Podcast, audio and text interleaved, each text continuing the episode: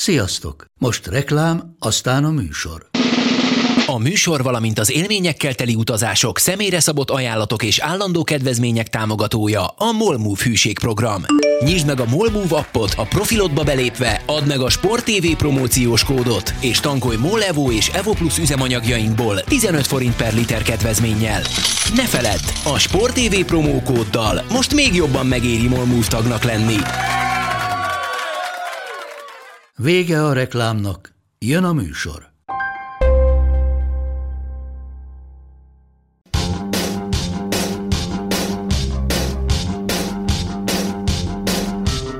Sziasztok, ez itt a Karanténkaszt 76. epizódja a Nemzetközi Joganapon, vagy az inkontinencia hetének első napján. Attila, neked melyikhez van között? Olyan jogi fejed van. Az biztos. Ki nem próbáltam azt, és, és nem is áll szándékom kipróbálni. Úgyhogy. Nem? Nekem mindenki mondja, hogy marhára jogázni kéne, mert be van állva a derekam, a vállam, a mindenem, de hát mondta, hogy nem vagyok hindu, nehéz lenne. És hogy vagy Attila egyébként? Figyelj, túl életem futball élményén. Erről majd később. Összességében jól. Szerintem ma lejátszottuk Palival a képességeinkhez képesti legmagasabb szintű meccset. Tehát tök jó volt. Áruljuk el a sportágat is. Fallabda. Ki nyert? Kettő-kettő döntetlen. Először láttam azt, hogy a végén főnökünkről valahogy lekerült a póló, és kicsavarta belőle az izzadságot, annyi volt benne. Tehát, tehát ilyen még nem volt, és futott becsületesen, azt kell, hogy mondjam. tényleg. Tök jó, tök jó volt. Jól nézett ki póló nélkül? Azt, azt, i, i, ilyen szemmel nem nézegettem semmiképpen. Á, Attila, legyen már ilyen.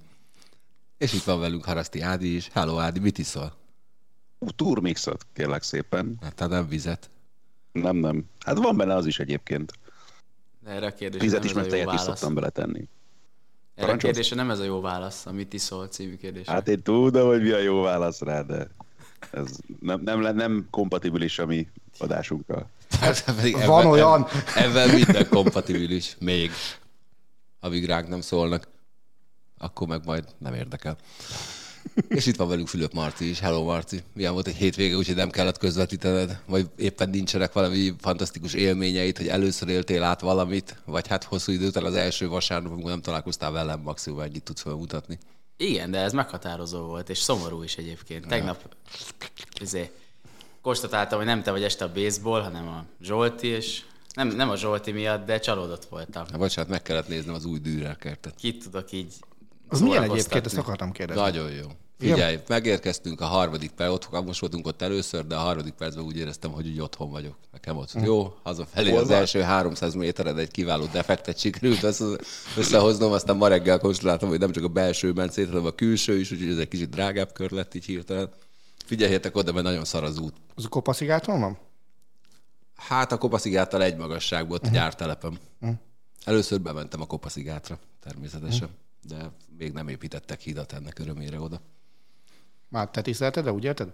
Hát nem, hát nekem nem kell híd, csak tudjam, hogy hogy kell menni. Ezen túl majd tudom. Úgyhogy Pedig milyen jól hangzik a Galuska híd. Ja, hát figyelj, most, hogy a nemzetközi joga nap van, lehet, hogy majd így a felvétel után lemegyek hídba. Csak, csak attól félek, hogy az erőlködéstől majd felszabadulnak a pukimanók és társai. Azt hittem, hogy Az még a kisebb probléma, hogyha csak az. Hát figyelj, ha hozza a szomszédot, akkor ez legalább elég konkrét. Na Attila, mesélj életed futball élményéről, milyen volt a Magyarország-Portugália mérkőzésben, időrendben haladunk.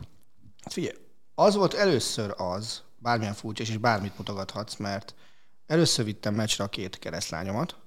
Ugye hát miattuk küzdöttem végül is több mint négy órát az UEFA rendszerével annak idején. Úgyhogy háromszor volt zsebben a jegy, és háromszor dobott ki ez a nyomorult rendszer, és negyedikre lett meg. És Ez olyan, mint a digitális oltási igazolvány, nem? az milyen? Hát fantasztikus. Figyelj, letöltöd a telefonos applikációt, amelyik utána azt írja, hogy olvasd be a QR kódot a weboldalról. Mi van? Ugye? Ugye? Tehát Ennyi, ennyi eszem még nekem is van, hogy ez, ez nem... De nem, hát figyelj, nagyon ügyesen kitalálták, kell hozzá egy telefon, amelyikkel Ha? rajta van az applikáció, és kell hozzá egy gép, Ah. ahol még bejelentkezel pluszban, és akkor azért megkapod a PIN kódodat, és mit tudom, kicsit bonyolult. A, na ugye, szóval a nagyobbik az volt már velem sporteseményen, többen is, meg ő, ő szeret is így sporteseményen járni. A kicsi egyszer volt sporteseményen, ő azt mondta, hogy ez neki túl hangos. Ez volt három éve egy BL negyed döntő Fradi Várdár, És oké, de most megkérdeztem őket, hogy akarnak jönni. Ó, persze, nagyon izé. Kincsi a maga tíz évével előtte annyit kérdez, hogy keresztapú, Cristiano Ronaldo itt lesz, itt. És itt is leköpi a pályát. Ennyit a példakép szerepről, hogy a futballistáknak mennyire kéne mire vigyázni. Kimentünk, és, és az, a- az a pillanat van meg, és, és valószínűleg marad meg örökre előttem, amikor berúgtuk a lesgólt, és, és nem tudtuk, hogy les. És, és mind a ketten ilyen teljesen magukból kivetközve üvöltenek, hogy gól, és, és, és tehát azt az extrát, és ha másért nem, már ezért bőven megért az egész EB. Lás volt? Fogalmam sincs. Az volt. Két méter. Le, lehető legmesszebb ültünk tőle, én azóta tévében sem néztem. Attila, legyél büszke, most nem téged kezdenek el basztatni hogy beszélj a mikrofonba. Marci, légy szíves, beszélj a mikrofonba. Itt vagyok. Ádám, te voltál a portugál, portugál meccsen? Nem voltál? Nem voltam, nem Akkor voltam. te Azt kocsmában néztem. Ó, és jó volt? Jó, meg főleg egymástán két nap voltam akkor ugyanazon a helyen, de az előző nap volt az, hogy tényleg belegondoltam, hogy mikor voltam utoljára úgy kocsmában egyáltalán, hogy szépen nyugodtan rá tudtam könyökölni egy pultra, ittam, a, amit szerettem volna, és bent a meccs, és nyugi volt, és egyáltalán tudtam normálisan meccset nézni, nyugodtan, anélkül, hogy füles lett volna a fejemben, meg tényleg a, a, maga a, a környezet, tehát hogy bemész egy kocsmába, kikéred, amit szeretnél, és szépen nyugodtan elfogyasztod. Nagyon jó volt.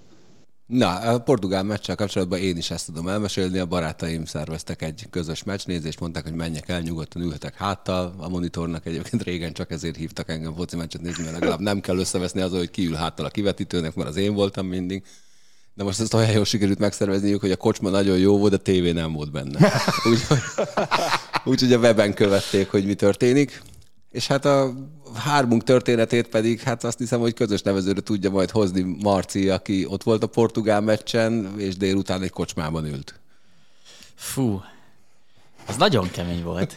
Írt nekem, írt nekem reggel, nem, előző este írt nekem Barta Zoltán kollégánk, hogy Olyat nem ismerünk. de várjál, nem, nem kérdő módban, kijelentő módban, holnap iszunk. Jó, ígyunk. Annyi van, hogy nekem 10, 12 óráig én teniszezem a, az egyik rokonommal, utána elérhető vagyok. Mi az, hogy teniszezel? Ne teniszezzél meccsnapon, én fél 11 komá inni fogok, és kész. Mondta. Ez az a Barta Zoli egyébként, aki előtte folyamatosan mondta, hogy 41 napja nem ittem egy kortyot se. Igen. Az, jó, hát mondom, hogy ezt nem fogom most megcsinálni, elmegyek teniszezni, annyit tudok megtenni, hogy eljövök 10 perccel hamarabb, és akkor délbe találkozunk. Délbe találkoztunk, beültünk a körúton egy helyre, elkezdtünk fogyasztani, és egyszer csak egy, jött egy ötlet, hogy akkor írjunk Fülöp László, másik kiváló kollégánknak, hogy jöjjön oda. Ír, Zoli írt, Fülöp Laci jött, beül, azt, nem kellett sokáig győzködni. Laci, jössz inni? Hívom a taxit. Beült, odajött, megjelent a körúton egy portugál sállal a nyakában, zseniális volt. És ö, Hogy jött neki? nem tudom, azt, Azt azt, találta azt, mondta, otthon. hogy, azt mondta, hogy ezt így találta otthon. És jött egy portugál sállal a nyakába, leült hozzánk, és akkor így hárman elkezdtünk masszívan tölteni. Vizet? Igen, és hát az volt az egésznek a vége, hogy a Zolival, nem tudom, ilyen fél négyre kellett kiérni a stadionhoz, hívtunk egy taxit, a világunkat nem tudtuk. Tehát úgy értünk ki a stadionhoz, hogy pff, én, én nál- nálam kérdéses volt, hogy bejutok el meccsre, és akkor fogtunk, a taxi kirakott minket a keletinél, és nem akartunk annyit. Nem akartunk annyit sétálni, úgyhogy fogtunk két ilyen elektromos rollert, elmentünk vele a kapuhoz, ahol kiderült, hogy azokat nem lehet Nem ott le? nem lehet lerakni. De a Zoltán az bement. És én a két A elektron... rollerra várjál? Nem, a roller nélkül. Fog több esélyt. Jó, én mondtam neki, hogy most már hagyjad, mennyibe majd valamit kitalálok. Mondjuk azért, ha belegondolok, az Zoltán kiállítja meg, ha a rollerről akar bevenni a kis réreteivel. szerintem senki, izé, a nemzeti gárda. De... És akkor izé, visszavittem a rollereket a keletihez, kettőt, és akkor visszasétáltam, és Visszavitted a keletihez. ah, hát ott lehetett lerakni. Tehát a keletiből elment, nem mondom, hogy de. De majd mondom, hogy nem, mert volt hasonló kalandom. Hát ne, de ott a Stefánián. Tehát a Stefánián vissza kellett vinni a keletihez. Ne, nekem... Ah, És onnan vissza, tehát visszamentél vele a két Visszament rollerrel? két rollerrel a keletihez, és onnan meg vissza. Hát így egyszerre a kettőn. Régen sokat rollereztem gyerekkoromban. Jézusom. És akkor... És onnan visszasétáltál. És onnan visszasétáltam. Addig kihozanodtál akkor. És a kihozanodtam, de akkor 40 fok volt, tehát a nagyon megütött, és akkor azzal kezdtem, hogy találkoztam a Zümivel, meg a Petúrral, meg a Szaszával, és mond... Megismerted őket. Akik, akik rögtön megállapították, hogy nézzétek, hogy délután fél tök részegen sétálgat a Stefánián. Igen, és akkor kértem három vizet, hogy akkor most egy kicsit higítsunk, mert ez így nem jó. És végül is egész jó meccsélmény lett. Ne mesélj az élményről. Milyen, Zol- mennyire... Bocsánat, csak Zoltán, majd egyszer meg kell erről kérdezni, mert mondjuk neki vannak ilyen élményei, de hogy én ezt sosem értettem. Oké, persze nem vettem meg feltétlenül ugye a hasonló örömöket, de hogy azért a meccsnézésnek jelentős része elvész azzal, hogyha az ember ilyen állapotban Ezt én is ezt mondtam neki, a- hogy nem akarok annyira berúgni, hogy már a meccsben ne lássak semmit. Hagyjál már hülyeségeid, de így áll. És akkor ittunk. Könnyen befolyásolható, vagy pedig egyébként tényleg, ha bármi van olyan, amit szeretnél megnézni, végigélvezni és tényleg élvezni, akkor a legfontosabb, hogy előtte ne így áll, mert akkor elveszik az élmény egy része, amikor folyamatosan járkálsz ki a WC-be. Az a vicces, hogy egyébként tökre kiózanodtam, és tökre emlékszem a meccsre, úgyhogy jó volt. Na, hát akkor ez most mindjárt kiderül. Mi történt a 22. percben? Bedobás volt. Tényleg? Jó Ha. van, hát akkor tényleg emlékszem, nekem fogalmam sincs. Mennyire könnyű volt bejutni? Az nagyon egyébként, azt meglepően jól meg van szervezve, hogy, hogy elég sima a bejutás. Az első napon még naivan azt gondoltuk, hogy a jegyen szereplő ilyen entry slot, hogy mikor mehetsz be, és a kapu az számít bármit. A második meccsen kiderült, hogy nem. Tehát ott mész be, ahol akarsz, és akkor, amikor akarsz. Viszont nincsenek nagy tömegek. Tehát az elég sima volt. Büfé, büfé sor, az kemény, az hosszú. Hát de ezt megoldottátok előre.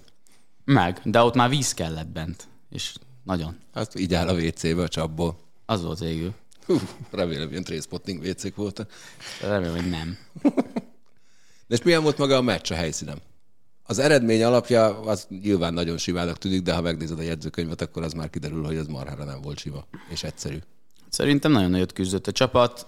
A, az első meccsen egyébként szerintem jóval kevésbé játszott jól a magyar válogatott, mint a másodikon. Tehát az első meccsen ott igazából a portugálok rossz helyzet kihasználása miatt volt az, hogy csak a 85. percben szereztek vezetést.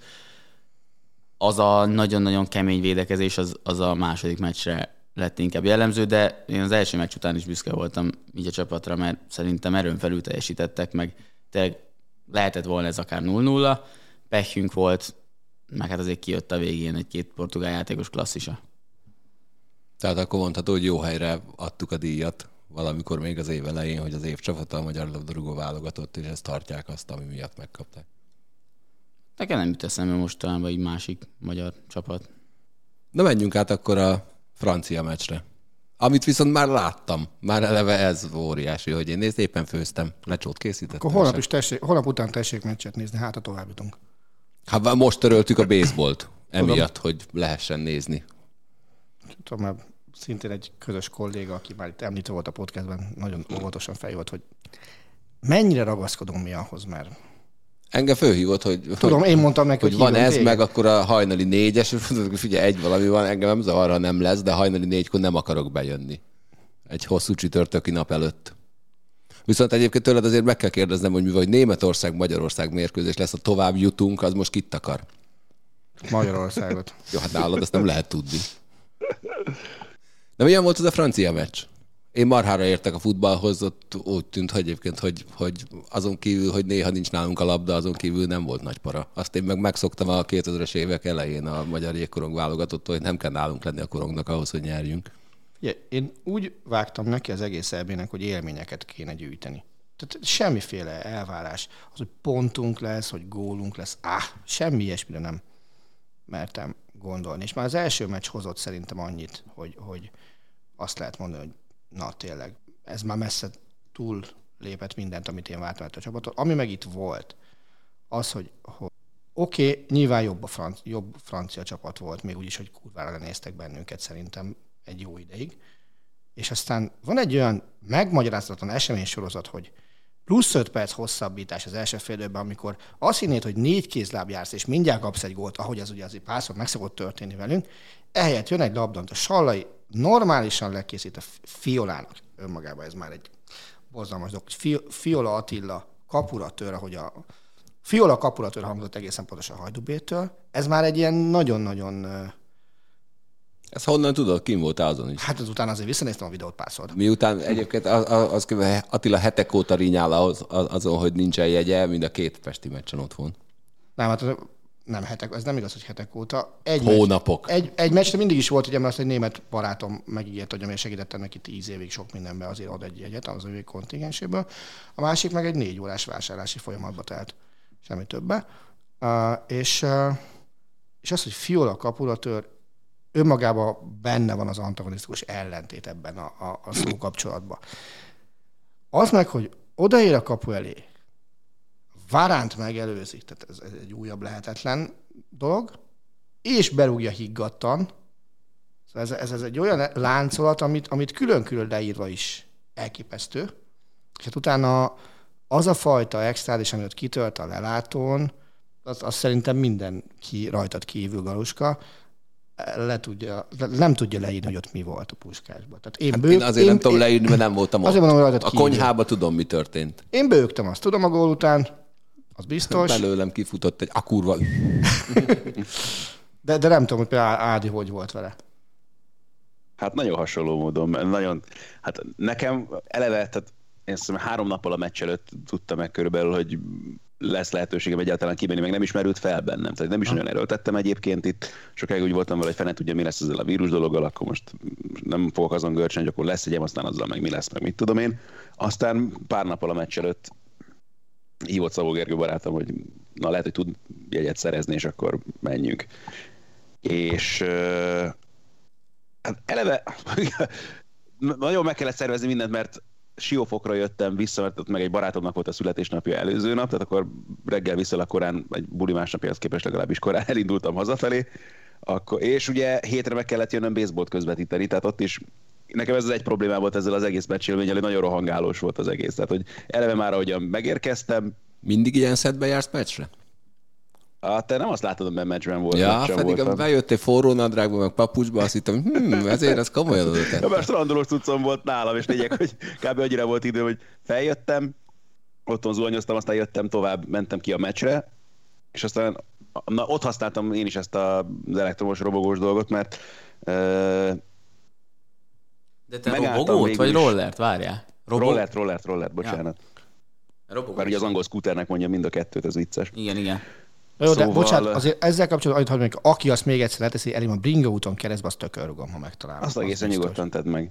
Az egyébként minden, szempontból gyökérség. Az így A van. lényeg, hogy én a Hernád utcán nem menj a bringa úton, mert iszonyú veszélyes. Nem a Stefánián Ja, jó. volt a, a hú, Angyalföldön párhuzamosan a sinekkel megy egy bringa út a Hősök tere felé, meg a Vágány utca felé, és azon volt keresztbe letéve. Nem, de én is aggódtam minden esetre a belépési slot miatt, mert én ilyen, nem is tudom, három negyed kettő magasságában érkeztem meg a Hernád utcához, ott tudtam parkolni, mert hogy mindenhol le volt zárva minden, meg ugye a Dózsára sem lehetett kimenni, mert azt meg a vonulás után takarították, szóval elég vicces volt.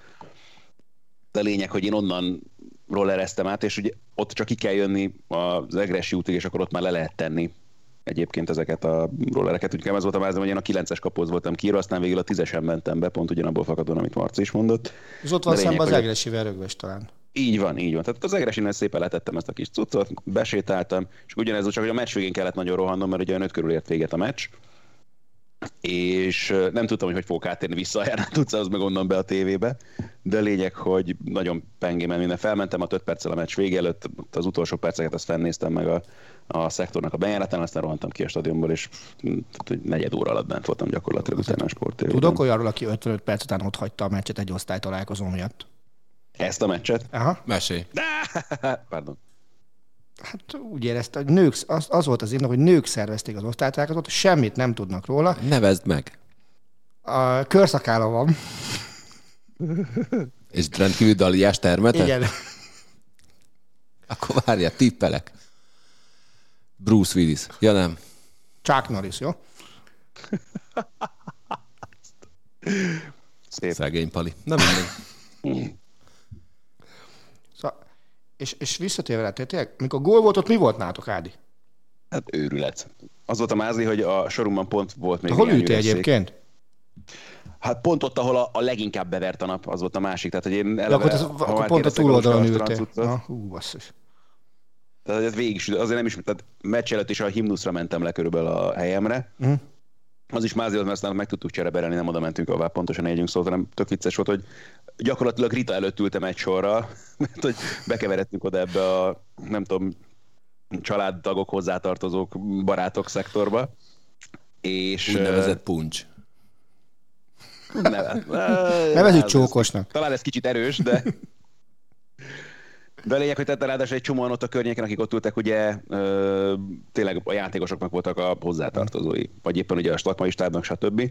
Úgyhogy ott egyébként is teljes hitetlenkedés volt, meg őrjöngés, ugrálás, amit el tudsz képzelni. Nyilván most ez nem változtat mondjuk jelentős mértékben azon persze, amit a stadionban ülő legtöbb magyar néző érzett, de azért mégis vicces volt ebből a szempontból, főleg, hogy volt a mellettem ülők közül olyan, akinek sikerült ráborulnia valakire közülük az előző mérkőzésen, amikor azt hitték, hogy Sön Szabi beverte. Bár mondjuk végül is az megtörtént, csak Ez meg, ott, ott én az egy sörrel lettem gazdagabb a nyakamba, a Sön Szabos hát az...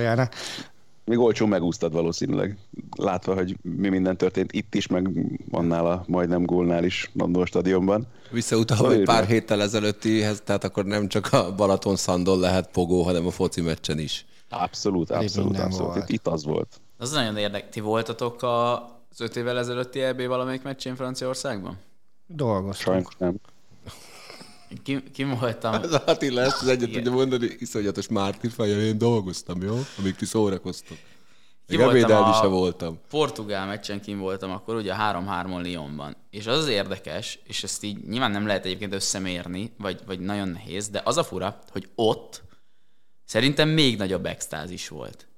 Tehát uh, akkor, amikor a Zsuzsák berúgta a két gólját, és Hát, azért az még szürreálisabb, azért gondoljunk be. Eleve ott az Gerazolinak a gólja. Hát az, én nem tudom, melyik a eszméletlen volt. szürreálisabb igazából, az akkori portugál válogatottal x vagy most a mostani A három franciával. gól a szürreálisban, meg az, hogy a magyar csapatnak ilyen mázlia tud lenni, érted, hogy ilyen Talán az, meg az, hogy vezettünk, háromszor vezettünk, I- igen, és Hát meg az akkor tényleg az őrület pár, volt. Pár évtizeddel után jutották ki először világeseményre, Igen. most már így lassan, már ez így Jó, normális. azért talán túlzás, hogy ez most a hogy nem megszokás, de el ugye a körutat a szurkolók most, mint öt éve. igen, ez ez csalódás volt egyébként. Igen, ez a csalódás. Azt hittem, hogy itt is elesik a nagykörút. Remek lett volna. Az akkor esik el, hogyha a németeket megverjük. Akkor el fog esni. Let it be.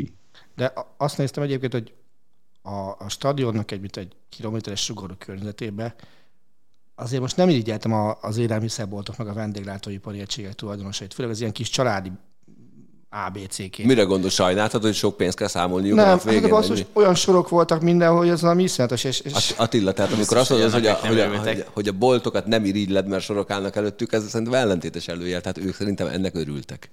hát lehet, hogy egy bizonyos fokig igen, És de hirtelen másfélszeresébe került minden. az biztos. Jó, de mondjuk ennél, tehát a stadionnál drágábban úgy sem lehet Az meg Semmit 1251 sör. Na hát pattanjatok le a Balatonhoz, most nézzétek meg az árakat, 800 forint. Én most fél literes ásványvíz. három óra ott leszek, majd megnézem, de 1251 sör, az sziget árnál is jelentősen drágább. Az nagyon Nem, itt, itt egy, egy kemény dolog volt pont amiatt, és azért ez tényleg probléma nálunk is. Ugye, tehát ha be is akartál állni ugye sorba, hogy vizet szerezzél magadnak, a büfénél már a meccs előtt is legalább nem tudom, 20 percet kellett várnod. Igen. Tehát ez pláne ebben a forróságban, hogy volt itt a francia meccsen, azért az elég komoly Itt para vizet volt. és- osztaniuk kéne egyébként az önkénteseknek szerintem. Palackolt vizet. ez egy dolog, Az ami- nem tudom miért nincs, az nagyon hiányzott. Ez a délután hármas meccs 50 fokban, ott, ott azért az nagyon hiányzott. Hát figyelj, a portugál meccsen, a mi szektorunknál konkrétan a nagyfogyasztók azok kiitták a, a sörkészletet. Tehát ott szünet után nem maradt sör. Nem tudtak mivel bejönni. Oké, ennek az volt az ára például, hogy szegény nagyobbik keresztlányom az ugyan órával a kezdés előtt már kapott egy pohár sört magára, mert amikor mellette ült egy ilyen átható Egy tekintet, pillanatra azt hittem, hogy elkezdted a kisgyereket vitatni. De átható tekintetű ember ült mellette, két sörlégy egyensúlyozott a kezébe, de már láthatóan nem volt szomjas. És akkor kijöttek melegíteni először a kapusok, ő úgy érezte, hogy föl kell állnia, és tud úgy tapsolni, hogy a két sör is a kezében van. Nem tudott, és fölülről nyúltak már, miután már ugye a pohár háromnegyedét ráfolyatta a csengek gatyájára, hogy nézzél már oda, az meg, tehát mit művelsz, és akkor csak, csak nézett tovább, és teljesen értelmetlen, nem világi szemekkel, hogy kiömlött a sör, ki bazd meg ki. Ez nem a nem kollégánk volt? Nem, nem, nem, nem, nem. nem. Ha megint kit vádolsz? És egy Hogy egyébként ahhoz, hogy kiborítsd a sört, ahhoz nem kell ittasnak lenned.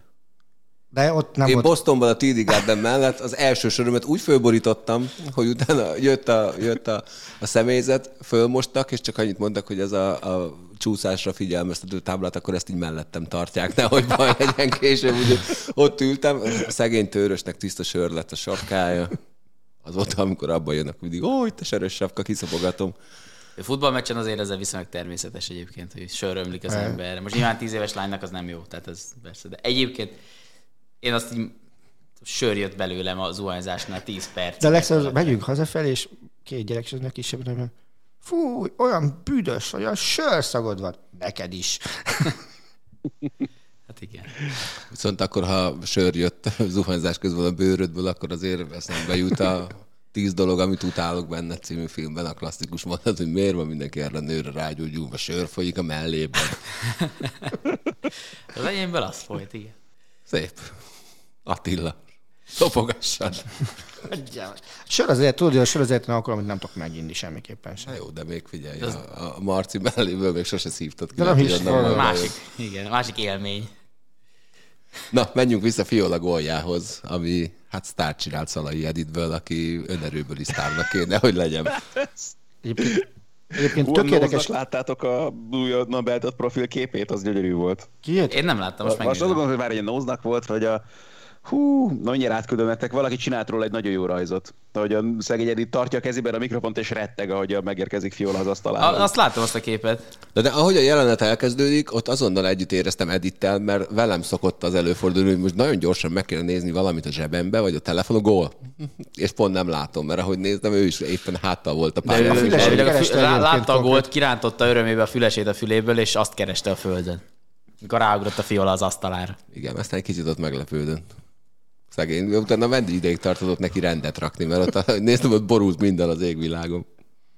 Az volt a szopás szegény fiolának, hogy a, pont a francia tábor előtt rúgta. Tehát ott a magyar tábor van ott, akkor egyenesen futhatott volna, most kereste a sarkot, hogy hol mehetsz magyar szurkolókhoz. Megtalálta. Megtalálta Editet. Megtalálta Editet. Egyébként Edith munkáját elismerendő, ha aki német ismerősöm kijött a meccsen, ki ez a nő? Hát annyira szórakoztatóan csinál mindent, és, és tényleg tök jól csinálta egyébként, amennyire nyilván egy ilyen szigorú forgatókönyv eseményen lehet, hogy, hogy le a kalappal. Edith egyébként tényleg zseniális, egy pár rendezvényen láttam már dolgozni, és mindenhol ugyanabban az intenzitás elég, és ez azért is izgi, mert hogyha az éppen idézőjelbe tett fellépése előtt három perccel találkozol vele a backstage akkor így azt látod rajta, hogy úgy el van fáradva, szegény meg sem fog tudni szólalni, kimegy, kész. És, és, és azért 50-55 ezer őrült előtt elkezdeni egyedül énekelni, az, az, ahhoz azért kell némi, hogy mondjam, képesség is. Hát attól függ, mit énekelsz. Hát jó, mondjuk, Ha de, Szodomtól a Witching Metalt, akkor ahhoz de sok ő, minden ő nem kell. speciál szópartit kezdett el énekelni, tehát hogy De tényleg nagyon szó, de tök ügyes, meg gyors. Meg az na- nagyon érdekes nekem, hogy itt egyedül van, de a kézi Final Four-on például hárman voltak. ú, ez itt az UEFA úgy döntött, hogy egy, ott meg úgy, hogy három. Tehát ez, Mert csak itt inkább el kéne több ember. persze. A méret, meg az emberek száma miatt. Na összességében milyen ez az EB? Mert mondok, vagy izgalmasat, tegnap megint láttam egy EB meccsen. Na melyiket? Az olaszt. Iszoltál rendesen? Hát azért mentünk. Valószínűleg azért- Azért mentünk a Dürerkedbe, ott ültünk, és akkor így, így néztem. És az az orosz válogatott, ez úgy tűnik, mintha jól játszana. Vagy szépen. Jól, vagy nem tudom. Kaptak már gólt, nem? Nem. Nem, majd fognak. Én a torna előtt is azt mondtam, most is azt mondom, hogy ők, ők nyerik meg. Nem tudom megmondani, hogy miért. 2006-ban is eltaláltam a világbajnoki címüket. Előtte utána nem fogadtam soha az olaszokra, azóta se. És most, most valamiért azt mondom, hogy ők. Melyik az a csapat, amelyik a negatív meglepetés, amelyiktől többet vártál? Anglia, bazdmeg. Már bocsánat, hogy ez hozzászólsz a kérdés.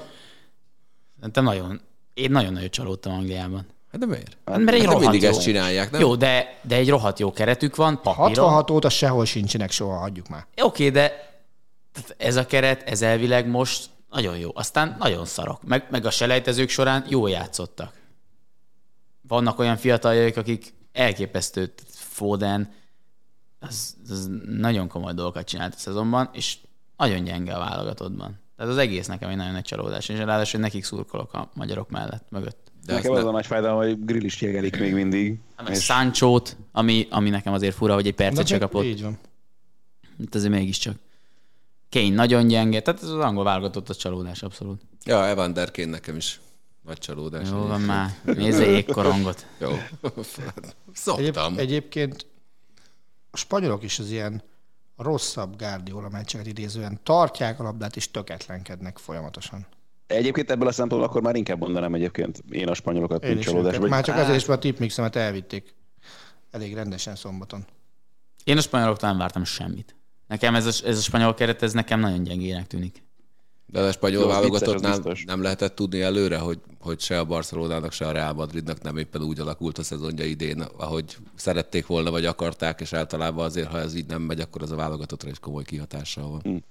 Ne, ne, nekem a spanyol válogatott keret, ez ötödik, hatodik. Ez azért fura, mert 2010-ben, amikor ugye Spanyolország világbajnok lett, akkor se voltak ott BL-be a végelszámolásnál, mert Inter Bayern döntő volt a VB-t, meg Na jó, de legalább a bajnokságban az a két csapat valamit csinált most idén, még ezt sem nagyon lehet elmondani. valószínűleg legalább nyert egy kupát. Az biztos. Tehát én, én, én a, a játékosok a spanyoloknál szerintem szintén egészen jó. De valamiért Luis Enrique nem tud olyat összerakni, mint amit a Barszánál össze tud rakni. Kapitányok közül a legjobb... Luis Enrique ügyben egyébként sajnos a Csabit nem tudjuk most megkérdezni, azért megkérdezném, hogy mi a, mi a Nem- véleménye. nem a Rómát mondtam, Mi a, nem a Rómát Luis Enrique csapatépítéséről a véleménye. azt gondolom, hogy kapitányi munkát, hogyha azt mondod, hogy kivégzi a legjobb kapitányi munkát, nyilván Rossi is egész jól áll. Tehát a, az adottságokhoz képest, amit kiad a csapatból, abban Rossi is jól áll. De szerintem ezen a téren Mancini-t egyelőre baromi nehéz felülmúlni. Abszolút, abszolút, abszolút. Maximálisan Mancini egyetértek. Tehát az, hogy ebből az olasz válogatottból, ahol ki a, tehát, te, ki a legnagyobb sztár ebben az olasz válogatottban? Körülbelül Donnarumma. Talán. Mm, Verratti. Hát de ő nem, ugye Verratti, hát most játszottak először. Körülbelül. Szerintem Verratti nem is játszott szerintem eddig a meccsen. A. Zsorzsinyó az játszik. Vagy az első Na de- biztos játszott. Hát, Na de, de, de Zsorzsinyóra a brazil előbb jut eszembe, mint ez. Hát jó, Hát meg Zsorzsinyó, Zsorzsinyóra sem mondaná feltétlenül azt, hogy sztár, baromi Nem. jó játékos. De inkább az- hozzáteszem, tehát, tehát itt, amit Mancini velük csinál, és, és az, ahogy mennyire nagyszerű csapatszellemet sikerült kialakítani, az, az le a kalap az olaszok előtt. Szóval nem vagyok olasz párti, nagyon-nagyon nem. Én sem. Aztán, de ezt, de ezt a csapatot nehéz Ezt el nem kell szeretni, mert tök jó játék. Tehát tök jó játékot produkálnak, és tényleg annélkül, hogy effektív, valóban olyan igazi sztárja lenne ennek a csapatnak. és hova érnek oda a németek, Attila? Elődöntő. De, de várjál, és akik kapnak szerdán? Hát akkor a franciák megverik a portugálokat, aztán akkor... Na, Hát látod, ott tartunk Rend már, hogy a a németjeidnek számolgatni kell. A magyarok előtt. Állj! Aki nekem azt mondja a torna előtt, hogy mi do or die meccset játszunk a németekkel, Jó, hát de nyilván azt figyelj. hülyének nézem, bocsánat. Persze, de hát figyelj, abban a pillanatban, hogy meglátod a csoport beosztását, abban a pillanatban tudtad, hogy, hogy Bocsánat, egy büdös szót nem volna szólhatsz, ha nulla pont. Pont ezt akarom, hogy azért nem néztem volna a hűnek, mert simán benne volt a pakliban, hogy két nulla pontos csapat játszik itt egymással majd. Akkor éppen még nem... ére- A francia meccs után már éreztem úgy, hogy lehet ilyen baj, de akkor még nem éreztem, hogy a németeknek túl sok gondjuk lenne. Szeretném megkérni azokat, akik esetleg mennek Münchenbe a, a meccsre, hogy a meccs előtt a stadionról küldjenek nekem egy képet, köszönöm. Még nem lehet menni. Nincs vendégjegy, szerintem. Hát uh, hadd kérdezzem meg. Mit láttál a puskásban? Láttál portugál szurkolót? De ez országokként változik. Münchenbe Simán- szerintem nincs. Nem, szerintem Münchenbe nem lehet menni. Simán lehet. Nem, hát szerintem nem. Te- Né, három napja azt nyomozom. Fi- Figyelj, tehát nem kell Magyarország, vesznek a Németországban élő magyarok. Most oké, okay, de Magyarországról szerintem nem mehet be Németországba biztos, szurkoló. hogy, biztos, hogy mennek. Biztos, hogy mennek. Van oltási igazolványod. Szerintem nem fogadják el. De mindegy, ha Münchenben valaki, nem- valaki megy Münchenbe a stadionról kívülről, csinál Na, de- de- nekem egy fényképet. Az még nincs, nincsen még úgy, hogy lehet, hogy ez nem. fehér lesz. Ne aggódj. De egyébként ez nagyon-nagyon furcsa az egész rendszer. Melyik rendszer? Hogy, hogy közben meg Neuernek a csapatkapitányi kalszragja miatt UEFA vizsgálat volt. Hát és le is zárult, és megmondták, hogy ez egy társadalmi kérdés, semmi köze a politikához. De ugye a vád az politika volt. Hát kivádolt el ezt ezt Az UEFA politikával. politikai ö, indítatásra az miatt indított vizsgálatot. Na, hát aztán utána értelmezték a dolgokat nagyon helyesen. Na, mesélj, Ez, Attila. ez, ez, olyan vicces, tehát, hogyha térdelni lehet, akkor miért nem lehet szivárványszínű karszalagot hordani? Tehát innen kezdve Egyik- szerintem. Ez Alap- az, ez, alap- tehát ezért nem értek belőle semmit, hogy Hát azért Attila, mert egyik sem egy politikai indítatású valami, de de egy várjál. társadalmi Ha indítatású valaki, ha a mondod, hülyék politikát csinálnak akkor miért, belőle. Akkor miért vetik föl azt, hogy politika van? Hát azért, mert a hülyék ebből politikát csinálnak. Pont erről múltkor beszéltünk egyébként.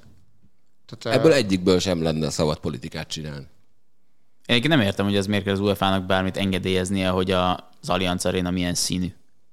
Mert, mert most az UEFA, Hát, mert tulaj, most mert most idézőjelben az UEFA tulajdonában van az Allianz Arena. Tehát most az Allianz Arenát nem Allianz Arenának hívják ebben A egy hónapban. Igen, azt tudom.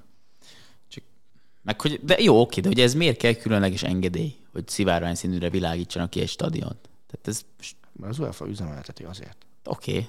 Ők döntik el, hogy milyen színűnek kell lenni. Valami, tehát a Nem szeretem a diktatórikus szervezeteket. Hát nem csak az, hogyha a kékre világítanák a stadiont, akkor biztos, hogy nem Én meg lennék, én meg lennék lepve, hogyha nem fehér lenne. Hát nem tudom, én aláírtam a petíciót, küldtem pénzt is. Legyen minden színes. Jó lenne. Bizony. Na, Attila, ki nyeri az EB-t? Olaszország. Marci? Franciaország. Ádám? Bő, Olaszország. Galuska? Hát Nekem Colorado. mindegy. Azok nem nyernek semmit. Idén se. Az már biztos. Ja nem, tehát figyelj, abból a két meccsből, amit láttam, az olaszok nagyon szépen játszanak, de mivel itt ketten azt mondtátok, ezért én nem fogom. Ö, Franciaország csak, hogy a Marci ne legyen egyedül. Na, ha abba bele akar szólni az UEFA, hogy milyen színű legyen a stadion, akkor miért nem bünteti meg Ronaldót, amikor elrakja a szponzorterméket az asztalról? Ez nagyon vicces. Az- Ez nagyon-nagyon vicces. Tehát én azt gondolom, hogy ott- ott az nagyon-nagyon rossz felé visz. Az UEFA szemszögéből nézve, ha csak ajánlást fogalmaz meg mindenkinek, hogy figyelj, figyeljetek, majd Léci, van szponzori kötelezettségetek. Miért van az, hogy 555 kínai szponzor van az ebben? Ha meg azok, azok adnak pénzt. De egyébként nem tudom, hogy, hogy adott esetben beszéltek-e volna a coca akkor, hogyha Ronaldo nem pakolja le az asztalról. Szerintem rohadt jó reklámot csináltak a coca Szerintem is, mert utána- Soha senkit nem érdekelt volna a Coca-Cola azon felül, amennyire most érdekli az embereket, hogyha Ronaldo nem kezd el baszakodni két üveg kólával. Igen, csak utána volt egy ilyen nagyon hülye kommunikáció, hogy a Coca-Cola részvényei egy zuhantak. Az, hogy lesz. nem volt a De az- kettő között összefüggés, ez egy másik De kérdés. nem baj, de jól hangzott, tehát akkor el lehet írni. Igen. De Hány, hát hány ilyet látsz ma már, hogy leírnak kontextusból kiragadott dolgokat, nincs köztük Két összefüggés. nélküli hülyeségeket. Ja. De a- akkoriban nagyot futottak egyébként a- az üvegek az asztalon, mert amikor a, a szegény muszlim játékos fogta és lerakta az alkoholmentes sört, hogy az alkohol nála tiltott, az, az kifejezetten szórakoztató volt, de hát a legcsodálatosabb megoldást egyébként a- az orosz edző. Az, az óriási volt. zseni. Hát az, az óriási. Ugye, látta és látszik, hogy lakótelepi alkoholista volt, én is ki tudok bármivel nyitni A, vo- a, egyébként egy voltot, a üveget. voltot azt kikérem magam. Jó, már lehet, hogy nem lakótelepi. Nem, a voltot hagyjuk itt, az alkoholista. Na de azt mondom, hogy lehet, hogy már nem, a, nem lakótelepi alkoholista, nem kertvárosi, de az, avval tökéletesen magamra ismertem, bármikor, bármivel kinyitok egyébként egy sörös üveget, ha arról van szó. A mozdulataiból úgy láttam, hogy ő nem csak a kólás üveget kezelni, nagyon ügyesen. Az nagyon jó volt.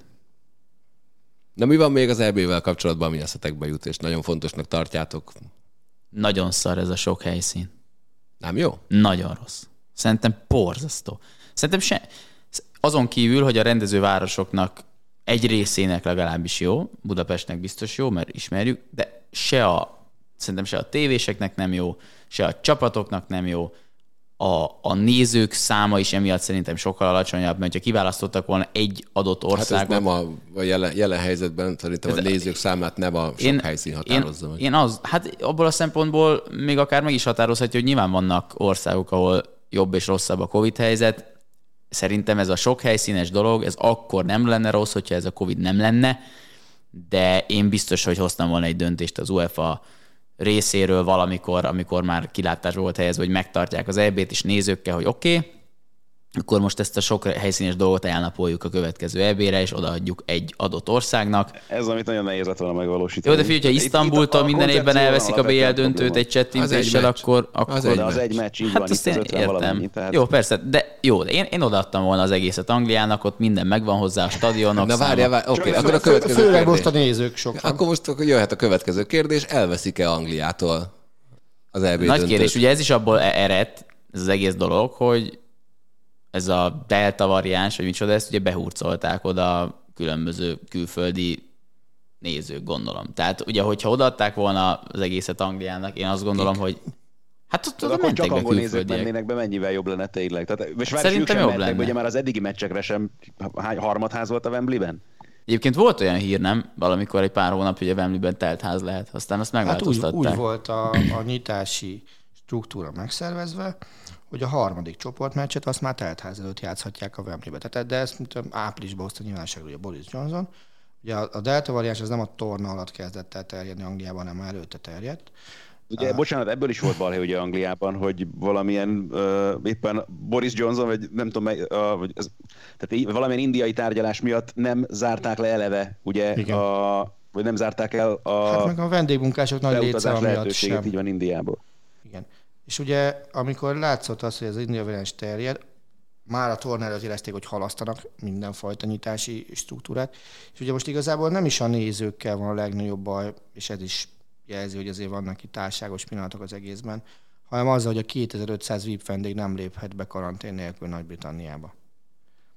Ez a, ez a legnagyobb probléma. Ugyanakkor én azt gondolom, hogy azért nem fogják elvenni Angliától majd a, az utolsó három mesnek a rendezési jogát, hogy Anglia pályázik a 2030-as világbajnokság, úgyhogy Egyesült Királyság plusz Írország, és uh, itt akarnak mindenkit meggyőzni Európában arról, hogy már pedig minket tessenek támogatni.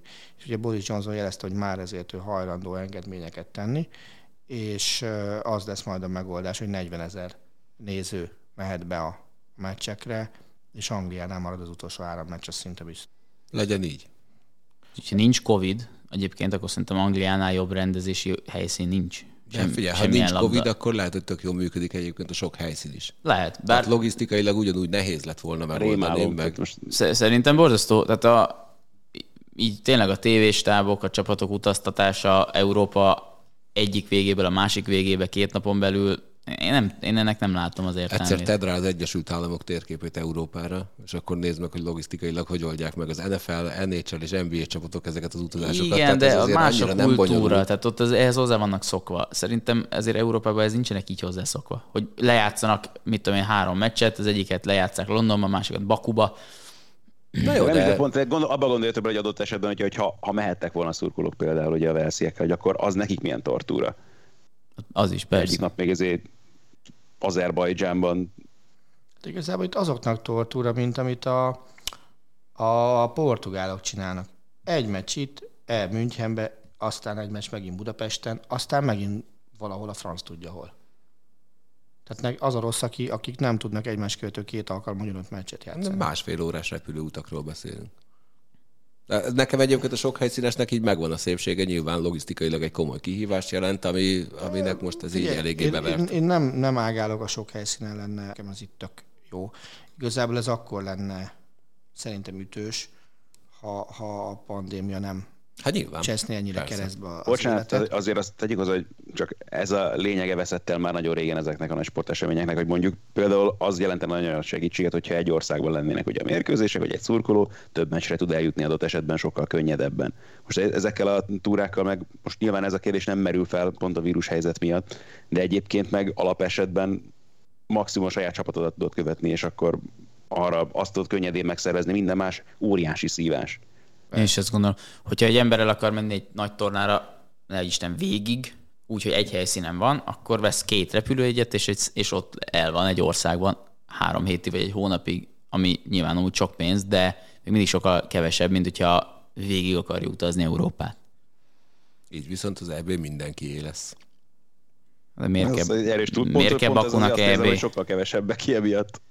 Hát figyelj, én azt gondolom, hogy, hogy akkor látná meg mindenféle sokszínűséget, hogyha ha mindenhol mehetne meccsre mindenki, mert akkor nem csak itt Budapesten éreznéd azt, hogy, hogy milyen kurva jó az, hogy van egy teltházas arénád, és, és a hangulat az olyan, olyan amilyen. Emlékeztek az Arsenal Chelsea Európa Liga döntőre Bakuból? Nem, pont te közvetítetted, nem Ádám? Vagy, vagy... Én stúdióban voltam. Stúdióban voltál. Emlé... Ott, ott, ott a, az az üresség, ami abban a stadionban volt, egy amúgy nagy európai kupa döntőn, az tökre megmutatta, hogy szerintem erre Bakuban például tökre nincs igény minőségi top futballra. Ezek a török válogatottra volt? Arra inkább. Tehát szerintem ott akkor se lenne félház se, hogyha nem lenne Covid. De teltház biztos nem. Jó, hát a helyszínek kiválasztásába becsúszhat egy-két baki. Szép. Bocsánat. Ez szép volt. Hát éppen a legjobb magyar tanítványát hallottuk. Hát még nagyon messze vagyok tőle. Hát, közel, ha dönt, akkor ki a legjobb tanítványa?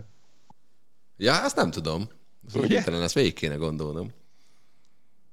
De azt hiszem, hogy a fárasztó szó viccek mestere még mindig nem én vagyok. Én nem azt mondtam. Meg, meg nem is fájázom rá. Most azért leadtad a jelentkezésedet. Jó, hát folyamatosan jelentkezem fárasztásban. Na menjünk vissza egy kicsit erre Ha az megint a Eriksen. horgászat. Ja. Na várj, ezt az összefüggést nem vettem volna észre. Attila, hova mész? Értekezletre kell menni sajnos. Szégyed magad, hogy ilyenkorra izé szervezel magadnak Nem én értekezletet. szerveztem magamnak hidd el. Hát akkor figyelj, egy, egy decline gombot illet volna megnyomnod. Úgyhogy Attila, távozz tőlünk, Sántán. viszont látásra. Viszont hallásra. Ne is lássalak. És ne zörögjél itt. Csak zörög. Remélem azért, mert az Attila elment, nem kezdtek el rögtön amerikai sportokról beszélni. Hát dehogy is nem. Végre. Végre elmegy. Na, térjünk vissza erre az Eriksen témára egyébként, mert nagyon friss volt nekem múlt héten, és utána kezdtem el gondolkodni, hogy ennek van egy olyan aspektusa, amit utána egyébként a Trestókban átbeszéltünk, csak azt hiszem a Trestókot mostanában nem nézik túl sokan, pedig nagyon jó műsorokat gyártunk, tessék nézni. És ott beszéltünk leginkább Billel arról, hogy azért ennek van egy nagyon-nagyon komoly olyan része, amire egyelőre úgy tűnt, hogy még senki sem gondol, és senki nem veszi figyelembe, hogy egy ember, aki átél egy ilyet a pályán, utána az azért mentálisan nagyon-nagyon megviselheti ez az egész. És a visszatérésénél van egy olyan pont, amikor azt mondják neki az orvosok, hogy oké, okay, mehetsz edzésre. Viszont arra meg senki nem gondol, hogy az mentálisan milyen lesz neki újra pályára lépni, amikor ott van, és esetleg eszébe jut, hogy passza meg, amikor legutóbb itt voltam a 40 valahagyadik percben, akkor hát kb. majdnem meghaltam. Hát ha ez egyáltalán felmerülhet már, mint az, hogy komoly szinten még futballozzon, mert ugye olyan híreket egyből lehetett hallani például Olaszországban bizonyosan nem léphet már pályára profi mérkőzésen, nem tudom, hogy mások mi lesz ezzel kapcsolatban a helyzet, de tehát ha eleve ilyen egyáltalán felmerülne ez a lehetőség, hogy visszatérjen a pályára, akkor is baromi nehéz lenne. Hát nem is tudom, hogy így meg talán még nehezebb.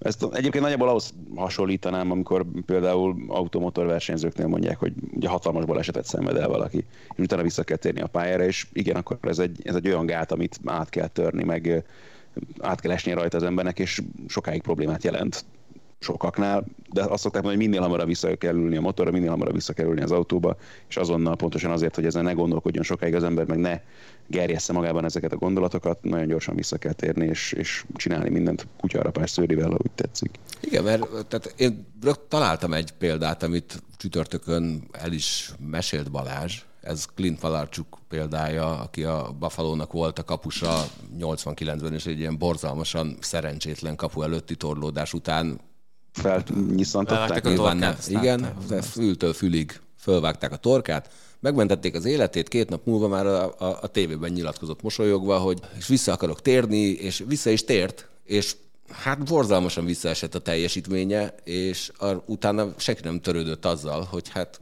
Malácsukból alkoholista lett, kábítószeres, és az ember tíz évvel az eset után jutott el arra pontra, hogy akkor most neki így elég volt, és akkor fejbe lövi magát a fészer mögött. És az ő sztoriához még hozzátartozik, hogy ez is olyan szerencsésen alakult számára, hogy az álcsúcsán Gellert kapott a golyó, és nem sikerült az öngyilkossági kísérlete. Azóta is él, egy farmon él, nevel, és vagy, állatokat tenyészt, és, és a saját bevallása szerint a mai napig nem bírta feldolgozni az esetet. Mert ott volt az, hogy azt mondta, hogy vannak szituációk, amik, amik előfordulnak, amitől sérülés szenvedhetsz, és hogyha a visszatérésed után egy ugyanolyan sérülés, vagy egy ugyanolyan szituáció után tudod folytatni, és tudod, hogy a szervezeted reagált, jól reagált, és, és meggyógyult, akkor, akkor utána átszakadhat egy gát, viszont ez egy olyan szitu volt, amit ő átélt, amit nem tudsz reprodukálni szerencsére, és valahol nekem Eriksené is olyan. Nekem ezzel kapcsolatban elég komoly személyes tapasztalataim vannak.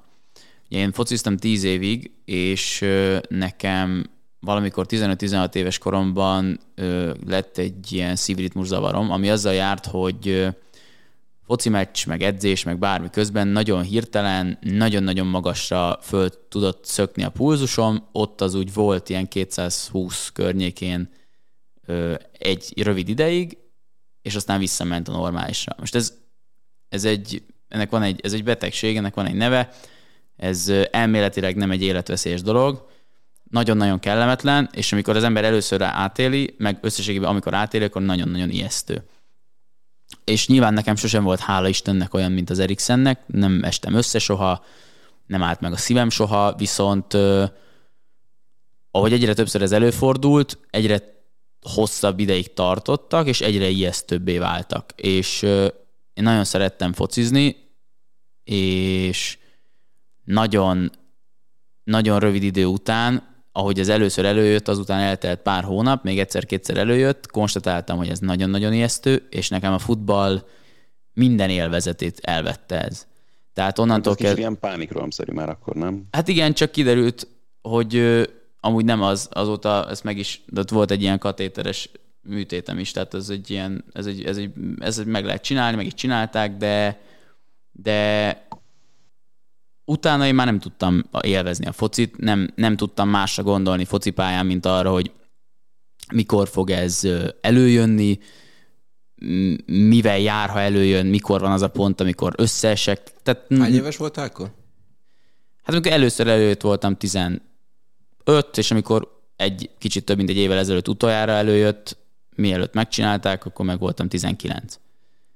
Tehát négy évig sportoltam úgy, hogy ez volt, és az volt ebbe a szar, hogy amikor kicsi, tehát még fiatalabb voltam, akkor ezek tényleg ilyen fél percig tartottak, amikor utoljára előjött egy teniszpályán, akkor meg már ilyen 11-2 percig tartott. Tehát azért 11-2 percig ültem ilyen, és akkor az ember így érzi, hogy így irgalmatlanul kalapál a szíve, és nem megy vissza sehol, az nagyon szar érzés. És én azt gondolom, hogy belőlem, ha egyébként lett is volna hozzá tehetségem, mint ahogy nem volt, már emiatt se lehetett volna belőlem soha profi focista, és én azt gondolom, hogy, hogy az a szintű futbalista az Eriksenből se lehet már, mint ami előtte volt, mert hiába mondja azt neki az összes orvos, hogy, et, hogy, hogy ez nem fog még egyszer előfordulni, mint ahogy nekem is azt mondta minden orvos, hogy nem, igen, oké, ez kellemetlen, de ettől nem lehet meghalni, nem lehet elájulni, nem, lehet le, nem állhat le a szíved, mégis rettenetesen ijesztő szituációk voltak. És ö, egyébként nekem a, a Blind jut eszembe, a holland válogatott belső védő Deli Blind, aki, akinek szintén van egy ilyen ritmuszavarra, és ő egy szívébe ültetett ö, ilyen defibrillátorra játszik, mint ami a, most az Eriksennek is most beültettek, és ö, én, én, ö, én nem tudom azt, hogy a Blind milyen mentális állapotban van, vagy mennyire erős fejben, de hogy a helyébe képzelem magamat, Hát mondom, én utánpótlás szinten sem tudtam teljesíteni ezzel a gondolattal, hogy nekem valami nem jó ott, hogy a Blind hogy tud Európa-bajnokságon meccseket végigjátszani, nagyon Neki erős. Egy, egy fontos előnye van nyilván, ott van az édesapja, aki bajnokok ligája győztes volt az ajax meg elég fontos játékos annak a csapatnak, meg a holland válogatottnak is akkor tájt. Lehet, hogy segít. Emberet, nyilván embere válogatja, hogy egy ilyen dologgal hogy tud, ha egyáltalán megküzdeni, és ez hogy is mondjam, tehát ez egy, ez egy ajándék szerintem Daily Blindnek, hogy ő ezzel tud bármit is kezdeni, mert ez egyáltalán nem egy olyan dolog, ami bárkitől elvárható lenne szerintem hasonló helyzetben, sőt. nem is, hát ne, én, csak azt gondolom, hogy én az Eriksen helyében, de nyilván ezt ő maga fogja eldönteni, meg hát nyilván erre lesznek majd szabályok, meg orvosok meg fogják neki mondani, hogy mit szabad és mit nem szabad, de végső soron, ha az- orvosok zöld lámpát mutatnak, akkor is ő fogja nyilván eldönteni, hogy mit akar, és én nem gondolom azt, hogy ő, ha vissza is tér a pályára, akkor, akkor fog tudni azon a szinten futballozni, mert, mert szerintem mindig ott lesz neki a fejében egy, egy gondolat. Tehát akárhányszor az van, hogy sprintelni kell egy labdáért, ott lesz, hogy mi van, hogyha meghajtom, és akkor megint ez előfordul. Én, én szerintem. Hát ez egy érdekes dolog egyébként. Ugye múlt héten Pali nem véletlen, hogy Oskai Gabit hozta fel egyből példának, aki meg azután, hogy eltiltották ugye először a játéktól, és ugye neki volt egy hosszú kihagyása, nagyon komoly szinten jött vissza, és abszolút a, a játékán nem látszott az, hogy ő ettől bármilyen szinten tartott volna, aztán persze sajnos tudjuk, hogy mi lett ennek a vége. Igen, és egyébként hát ugye a, a Gábornál is úgy volt, hogy addig járt orvos, nem talált valakit, aki rányomta a pecsétet. Hát ő egy pillanatra nem adta fel, benne fel sem merült. Hát lehet, hogy van ez a fajta sport iránti szerelem, meg, meg, meg fanatizmus, meg teljesítményvágy, vagy nem is tudom, hogy ezt minek lehet talán nevezni, de ami erősebb a, a, félelemednél, vagy a, Igen, hát ott volt, hát már nem is tudom, nem, hülyeséget meg már végképp nem akarok mondani, az orvos, aki végül megadta neki a zöld lámpát, ő mondta, hogy egy fiatal embertől nem fogja, akin, akin látja, hogy, hogy ég a szemében a tűz az, az iránt, hogy visszatérhessen a jégre, nem ő fogja neki azt mondani, hogy nem. na de itt nem Hát vethet, meg, egyébként ott meg lehet, hogy a, a- a félelem nagyobb volt attól, hogy mi van, hogyha ő nem játszhat. Mert neki aztán tényleg ez volt az élete, tehát ez... Sőt, több is volt talán neki. Úgyhogy egyébként én, én csak azért tartom ezt fontosnak, mert, mert ha visszamegyek Malácsuk példájához, amikor még nem voltak pszichológusok és pszichiáterek a, a csapat közelében, a csapatok közelében, most azért talán Eriksennek az a szerencsés helyzet, hogy azért a, a világon már rájöttek arra, hogy a, a sportolók sem gépek, hanem emberek, akiknek igenis szükségük lehet segítségre, és talán most már tartott a, a világ ebből a szempontból, hogy, hogy lesz mellette valaki, aki segít neki ezt a döntést meghozni és átlendülni ezen a szitun. Nagyon kíváncsi leszek, hogy ennek így mi lesz a kifutása, de nyilván az első leges az az, hogy ő épüljön föl teljesen, derítsék ki, hogy miért volt, tényleg meg mindent annak érdekében, hogy ez ne fordulhasson vele elő, most nem csak a focipályán, hanem akár a konyhában egy kakaó készítése közben.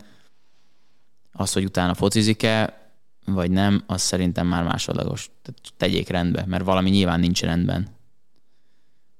Véletlenül az ember nem kap szívrohamot. Hát igen, meg hát a, tényleg a fejében is tegyenek rendet. Segítsenek neki abba, hogy ne kelljen folyamatos depresszióba élnie attól. Azt nem tudom, hogy Laurent Duvernay Tardif mennyire volt depressziós az elmúlt egy évben, amikor kihagyott egy komplet NFL szezont, amikor beütött a Covid, akkor azt mondta, hogy az orvosi diplomáját most arra szeretné használni, hogy nem a Kansas City Chiefs támadó falában akar szerepelni, amely egyébként nélkül és a Super Bowlig jutott, hanem elment a helyi kórházba dolgozni, segíteni a Covid ellenes küzdelemben. Ő most bejelentette, hogy a következő szezonban vissza szeretne térni a pályára, és újra a Kansasben játszani. Arra lennék kíváncsi, hogy szerintetek egy éves kihagyás mondjuk egy ilyen sportákban, ami, ami azért ha megnézel egy NFL játékost, aki aktív, hogy néz ki, és abban a pillanatban, ahogy bármit is csinál, de abba hagyja, akkor azt látod, hogy azért egy ilyen 20-30 kilót ledob magából. Hát... Ahogy vissza kell jönnie, mert ő a falban, hát ott ugye vannak, ott vannak a 120-130 kilós emberek, és az a nagyon fura a, a, az NFL védők visszavonulásakor, hogy a 120-130 kilós brutál kinézetű, hát mondhatjuk úgy, hogy a Sanyi nevezi, amit most el pufifánkok, hm. néha hülyeség nem jut eszembe, ők, ők szoktak a visszafonulások után borzalmasan jól kinézni. Tehát ledobják magukról a, azt a felesleget, amitől ők ilyen embertelen állatoknak tűnnek, és a borzalmasan szálkásra kigyújt linebackerek szoktak elhú, elhízni. Na most Tardifnál viszont szükség lesz arra, hogy, hogy visszahúzza ezt a 130 kilót. Nem tudom, ez, ez tök érdekes. Európai sportokban például az nem annyira jellemző, hogy valaki kihagy egy évet, vagy és akkor, és akkor vissza. Tehát most így hirtelen nem is jut eszembe nagyon példa. Tehát kihagyott egy évet, és aztán visszajött, és, és magas szinten folytatta. Lehet, hogy Amerikában... Lance Armstrong. Jó, hát oké. Okay. Segítség nélkül. Igen, szóval nyilván megvannak a módszerek a forma visszanyerésére gyorsan, de hát azt nem mindig szeretik. Nem, ez nagyon fura, ugye, tehát olyanról tudok, akinek nagyon komoly sérülése volt, és mondták neki, hogy visszajöhet, de azt mondta, hogy nem jövök vissza, nem jövök vissza, pihenek, és amikor viszont visszajött, akkor olyan irgalmatlan formában volt, hogy az, az valami hihetetlen, de nem sokáig tartott az sem. Düvenétál itt mennyi idős? Fiatal még. Hát akkor Kérdezel ez... egy ilyen Google keresés rovatot? Te izé volt egyébként, most Ádi, most úgyis ezzel foglalkoztunk, ez a Tom Dumoulin, aki ez a bringás srác. Igen, jó, mondjuk ő nem volt fél év sem kb. a kihagyása. De... De igen, hasonló sztori nyilván abszolút. Ugye az, az is nehéz. Azt hiszem most meg is nyerte a holland időfutam bajnokságot. 30 éves. Azóta. Az mondjuk, hát ugye a Svájcin ott még nem ment nagyot, de végigment. Tehát szerintem már az nagy dolog, hogy ennyi kihagyás után Persze. végigmegy egy 8 napos körön. Mit akartam mondani? Lauda volt 30 éves, amikor először visszavonult. Még a Forma 1 jellemző ez egyébként, volt. hogy visszavonul, aztán visszajön, aztán megint hát Alonso is ezt hátra csinálta. Pláne eredményesen ezt nem tudja megcsinálni, de Lauda még nyert egy világbajnokságot azt követően, hogy visszajött, de ő tényleg fiatalon vonult vissza. Tehát ez ilyen szempontból azért egy másik példa. Ott van Schumacher is, aki ugye visszatért még a mercedes aztán azért nem nagyon tudta már megközelíteni a korábbi eredményeit. Azért ez talán ott is a jellemzőbb, ha már ilyen történik. De hát Michael Jordan is emlékezhetünk jó, mondjuk az is egy érdekes kérdés, hogy ezt mennyire nevezünk kihagyásnak az ő esetében. De írtam, hogy mínusz Jordan. De ne csak azt azért érdemes elmondani, mert ő azért csak sportolt közben, még hogyha baseballt hajlamosak vagyunk, nem feltétlenül egy kalap alá venni a többi major sportággal ebből a szempontból. Nem tudom, hogy például Mario Lemieux mennyire érdemes ebbe a kategóriába venni megint csak. Hát jó Lemieux egy viszonylag komoly betegség, ugye ő leukémiás volt. Igen. Amiatt kellett kihagynia, visszajött. Egyébként hát a közelében nem volt a, a klasszikus formájának. De az olimpiai bajnok utána lett még. Hát oké, de az az, az, az, az olimpiai csapat az úgy nézett ki, hogy ha a Lemieux helyére te játszol, akkor te is olimpiai bajnok lettél volna. Ilyen sztoriból akkor ott van az Abidál esete, aki ugye szintén rákos volt és visszatért utána, tehát ami, ami önmagában egy jó eresi dolog, hogy visszatér, de hát ő se azon a szinten tért vissza, mint, mint, a, mint amilyen akkor volt, amikor elment a, a, a profi futballból egy időre, tehát abból azért szerintem nagyon kevés van, hogy valaki ott hagyja és visszajön egy évvel később bármilyen okból, és ugyanazon a szinten tudja folytatni. És nyilván, hogyha ezt egy betegség tarkítja az, az egészet, az meg akkor még nyilván Igen, de hát ott lesz. ugye az most mondod, nem, most ez úgy fog hangozni, mintha azt mondanám, hogy tardív kihagyása az nem tiszteletre méltó dolog, de mondjuk a betegségből visszatérés az azért óriási erőt sugárzó és tényleg tiszteletre méltó dolog, tardív döntése is tiszteletre méltó Abszolút, dolog. persze. Nem véletlenül volt benne a, a Sports Illustrated év sportembere választásának egyik tagja volt. Egészségedre kívánok. Köszönöm szépen. Hát ugye egyébként Lemieux visszatéréséről csak azt szeretném mondani egyébként, hogy, hogy láttam azt a meccset, amikor, amikor hosszú kihagyás után visszatért, és borzalmasan sajnáltam, hogy akkor vereséget szenvedett. Uh-huh. Akkor a Colorado Avalanche ellen. női sportágokban vannak, mikor, el, mikor elmennek szülni. Ugye még az egy ilyen, hogy Az egy borzasztó érdekes téma egyébként, ar, ar, ar, arról, arról sokat beszélgettünk, hogy akár egy ilyen komplett harmadik félidőt rá lehetne húzni, hogy, hogy női sportoló, aki, aki hov, hova teszi azt a pillanatot, amikor azt mondja, hogy én most szülni szeretnék. És elteszi a pályafutása végére, hogy először végig akarja csinálni a pályafutását, vagy azt mondja, hogy őt marhára nem érdekli ez a része, ő azt szeretné, hogy egy jó pillanatban szüljön egy babát, és utána ő visszatér. ez tök nehéz, és mi nem tudjuk nyilván nehéz. megfejteni így férfi fejjel, de de azért az is, azon is múlik ez, hogy mennyi ideig akar valaki profi szinten sportolni. Tehát mit most aki azért 30 fölött jócskán még ott akar lenni, az, az nem biztos, hogy meg tudja várni, vagy meg akarja várni a pályafutása végét ezzel, hiszen lehet, hogy már akkor késő lenne. Láttunk, abból viszont sokat láttunk, hogy elment szülni, kihagyott egy évet, és visszajött, és, és azért még, még, még, még viszonylag, most Serena Williams például. Igen, hát egyébként azért a, a, a nőknél a, a gyermekszülés az plusz olyan hormonokat, energiákat, boldogságot tud jelenteni, ami plusz motivációt jelentett a pályán. Tehát lehet, hogy fizikailag még azt se hiszem, hogy gyengébb állapotban lenne egyébként, de ha még így is történne, akkor is lenne benne egy olyan extra lelki tényező, ami, ami viszont pluszt adhat. Igen. Na, a következő témánk az hát eredetileg úgy volt, hogy nem hallgatói kérdés lesz, viszont Attilának el kellett menni értekezletre, úgyhogy így hallgatói kérdésé vált. Bocsánat, bocsánat, még most ez nagyon munkó volt, Igen. így beleszóltam, Ne, csak most, nyugodtan. most ebben a pillanatban láttam a hírt, hogy az Inter, ha minden igaz, akkor leigazolta Hakan Csáhánolut. A, ami azért érdekes, ugye, mert. Eriksen posztja.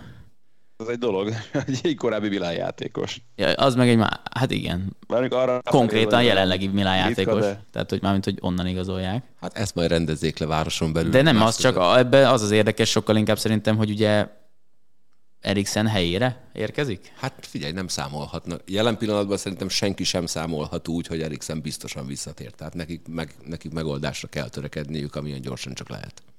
Arra szerintem semmilyen csapat nem várhat, hogy Picit olyan, nem picit olyan, mint a pont ez a Rush című film, amikor a Lauda meg a Huntnak a, a versengéséről, amit írtak, abban van az, hogy a Lauda nagy balesete ö, után már akkor kerítettek a helyére egy versenyzőt, amikor még a, csak a mentőben feküdt a Lauda, és a kórház felé tartott. Tehát, hogy ez nem olyan egy picit ez is, hogy most basszus, augusztus végéig van az átigazolási időszak, nem, nem, okay, de Nem lehet ezzel várni. Ez, ezek, ezek ilyen nagyon kegyetlenül hangzó dolgok, ha a lelki részét nézed, de ezek üzleti vállalkozások. Tehát, ez teljesen érthető, meg, meg persze. augusztus végéig várni azzal, hogy, hogy mi lesz a válasz, neked a lehető leggyorsabban fel kell készülnöd a, a legrosszabb forgatókönyvre, hogy nem lesz Eriksened a szezon elején.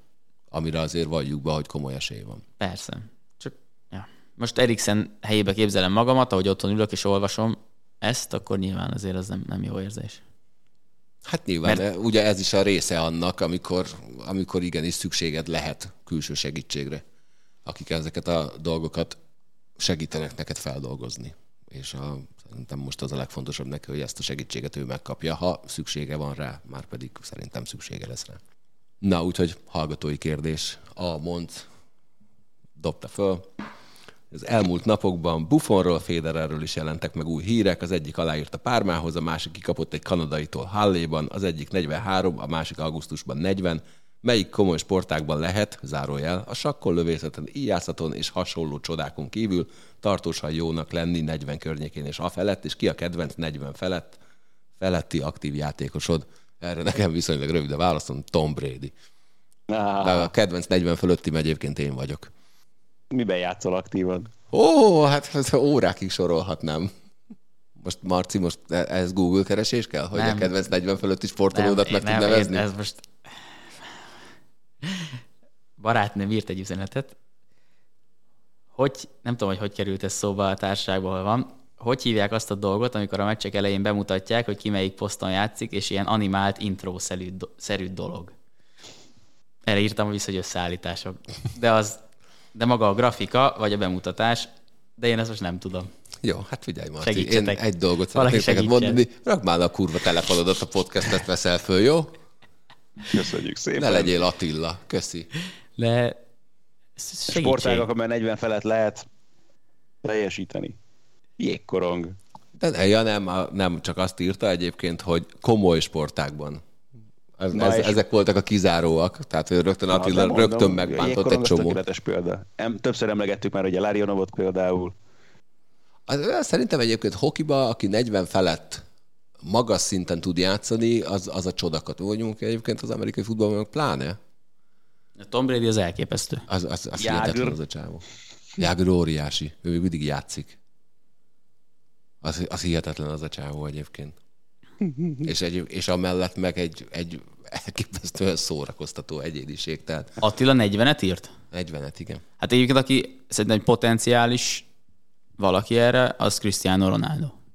Tehát őről lehet tudom képzelni, hogy ő még négy év múlva is valamilyen viszonylag magas szinten fog futballozni. És ez milyen válasz arra a kérdésre, hogy ki a kedvenc 40 Nekem nincs kedvenc 40 feletti sportolom, mert, mert én is akkor azt mondanám, hogy Tom Brady. Jó, rendben. De, azt, azt már nem azt de, mivel engem, a, de mivel engem az európai sportág jobban érdekelnek. Mondd hogy Ancsi János. Az jogos. És ott nem annyira van ilyen, ezért csak azt tudom mondani, hogy hát egyébként Ibra, ha ő már van 40. Labdarúgásban van 40 fölötti poszt, ahol, ahol azért hát a kapus. kapus kell. Hát, meg, meg most azt nézem, Ibrahimovic nem tudom, van-e már 40. Ryan Giggs is azért elhúzta annak idején elég sokáig. Tot, Totti se volt messze a 40-től szerintem, mikor abba hagyta. Között, hát Maldini annak idején azért szintén kihúzta meg. Akkor volt az egész Milán védelem, akkor eléggé nyugdíjas korig húzta majdnem. Ibra októberben 40 lesz. Ez egy tök érdekes dolog egyébként, hogy védőként mennyivel könnyebb 40 évesen játszani. Mondjuk a focira nem tudom, hogy ez mostanában mennyire igaz, hogy mennyire gyorsult fel, de például, ha, ha csak semmi, semmi más nem nézel meg, csak Kangyal Balást, akkor, akkor lehet, hogy azért a sebessége már nem volt meg. De, de rutinból, helyezkedésből nagyon hatékony tudott lenni még 40 fölött is. Ez is sportág függő szerintem. Mert a kézilabdában is például van egy csomó kifejezetten idős játékos, akik magas szinten játszanak. Ugye most azért láttuk a, a Vipers-t, ott azért a Lőke, a Lunde, akik húzó emberei voltak ennek a Vipersnek. Most én azt pontosan nem tudom, hogy ők éppen mennyire vannak a 40-től, de nincsenek messze, és azért ők azért elég magas szinten vannak még. Úgyhogy most nem tudom, mi van. Semmi, mi a kedvenc sztorid 40 év feletti játékosról? Nincs? Jól van mert csak azért, mert Én már elmondtam. Járomir is. Jágő szóba került, és, és az, a, az a csávó, az minél idősebb lett, annál nagyobb ökör lett belőle, és annál szórakoztatóbb. Nekem az, a, az egy, egy kedvenc sztorim róla, amikor egy, egy nő kiposztolt egy képet arról, hogy hát ő Jágőrrel aludt, zárójel, a nő, a nő Jágő csapattársa, csapattársának csaja volt, és a, a, a nő elküldte ezt a képet Jágőrnek, hogy ha mit tudom én, mit nem csinálsz meg, akkor én ezt ki fogom tenni az internetre, mire így annyit írt vissza neki, hogy engem az nem érdekel, tedd. Kedvenc sztori az csak vicces lehet? Nem. Nem kell. Miért, miért érzed kötelezettségednek, hogy vicces Nem, mert az legyél? most itt nem jut eszembe, de mondjuk az tök, most már többször említettük, de azért az egy elég komoly sztori, hogy Tom Brady hány évesen eligazolt Patriotsból, Tampába, és ugyanazt megcsinálta. Tehát Hát az, az- az, az, az, mondjuk sztorinak nem rossz. Az őrület. Az az, az, az, egész csávó őrület egyébként. És, és úgy, hogy azt mondták, azért sokan mondták, hogy igen, már nem lesz olyan, meg nem lesz ott az a csapat körülötte, meg nem lesz ott mögött, mellette a Belicek, meg stb. És akkor tehát Jó, UFO. nagyon durva. Az, azért az nagyon kemény.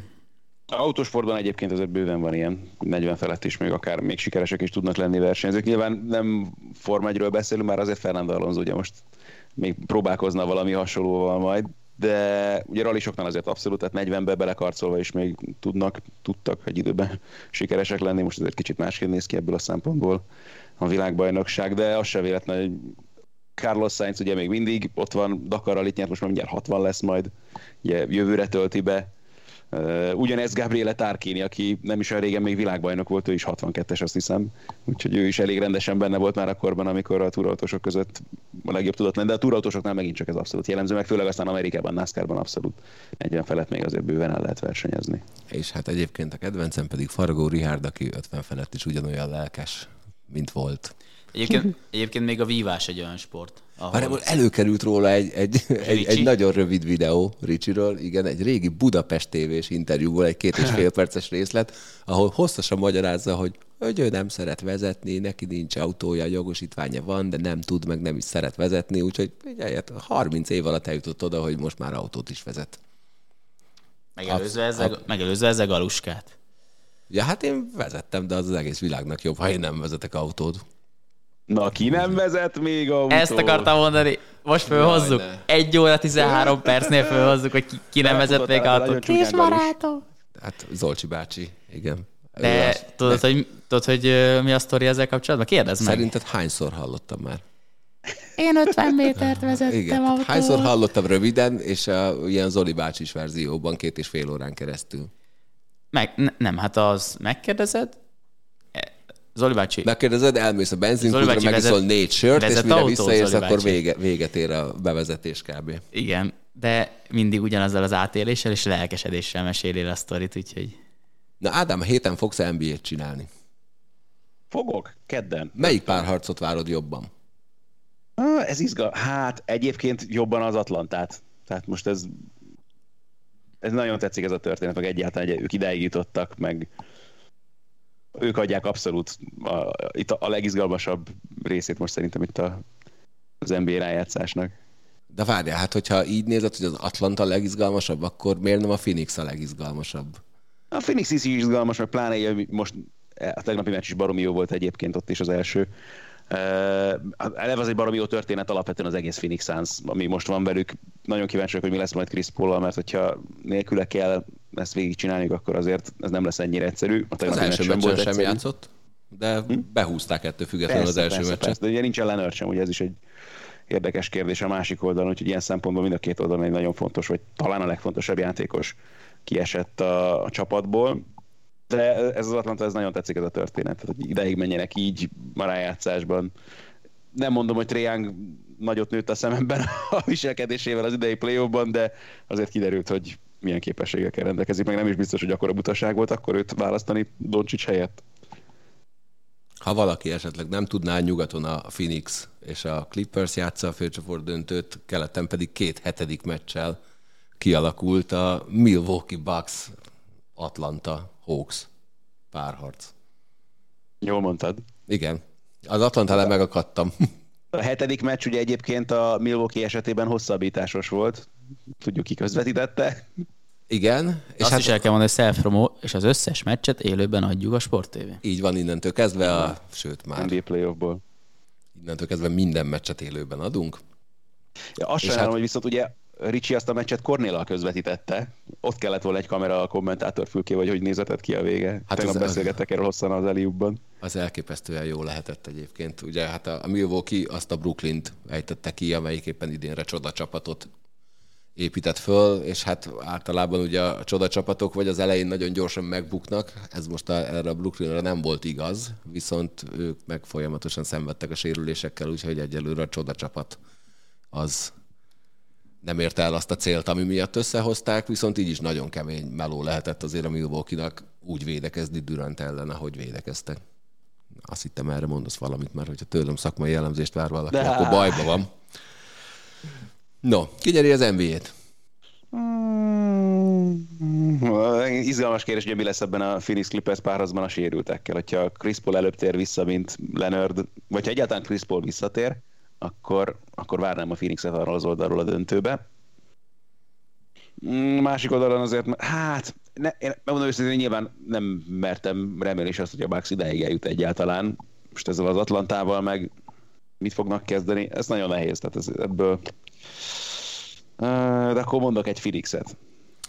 Ajaj ne, nekem egyébként onnantól kezdve, hogy nincs érintettségem, én mindig azt nézem, hogy, hogy van-e olyan ismerősöm, aki egy csapatnak szurkol, és kurva idegesítő lenne hallgatni, vagy olvasni egy éven keresztül, ha ők nyernek, úgyhogy én Viszont azt... nekem van egy nagyon kedves cimborám, aki Hawks Drucker, és miatta viszont nagyon tudnám ebből a szempontból élvezni, mert neki nagyon tudnék örülni. Hogyha... Rendben, akkor nyerjen kelet, mert én meg azt akartam mondani, hogy a Kornéltól viszont bármit elviselnék egy éven keresztül. Ez így van. Milyen, hogy az, milyen, hogy az Attilának nincsen kedvenc kosárcsapata? Van, csak előtt van kiestek nincsen.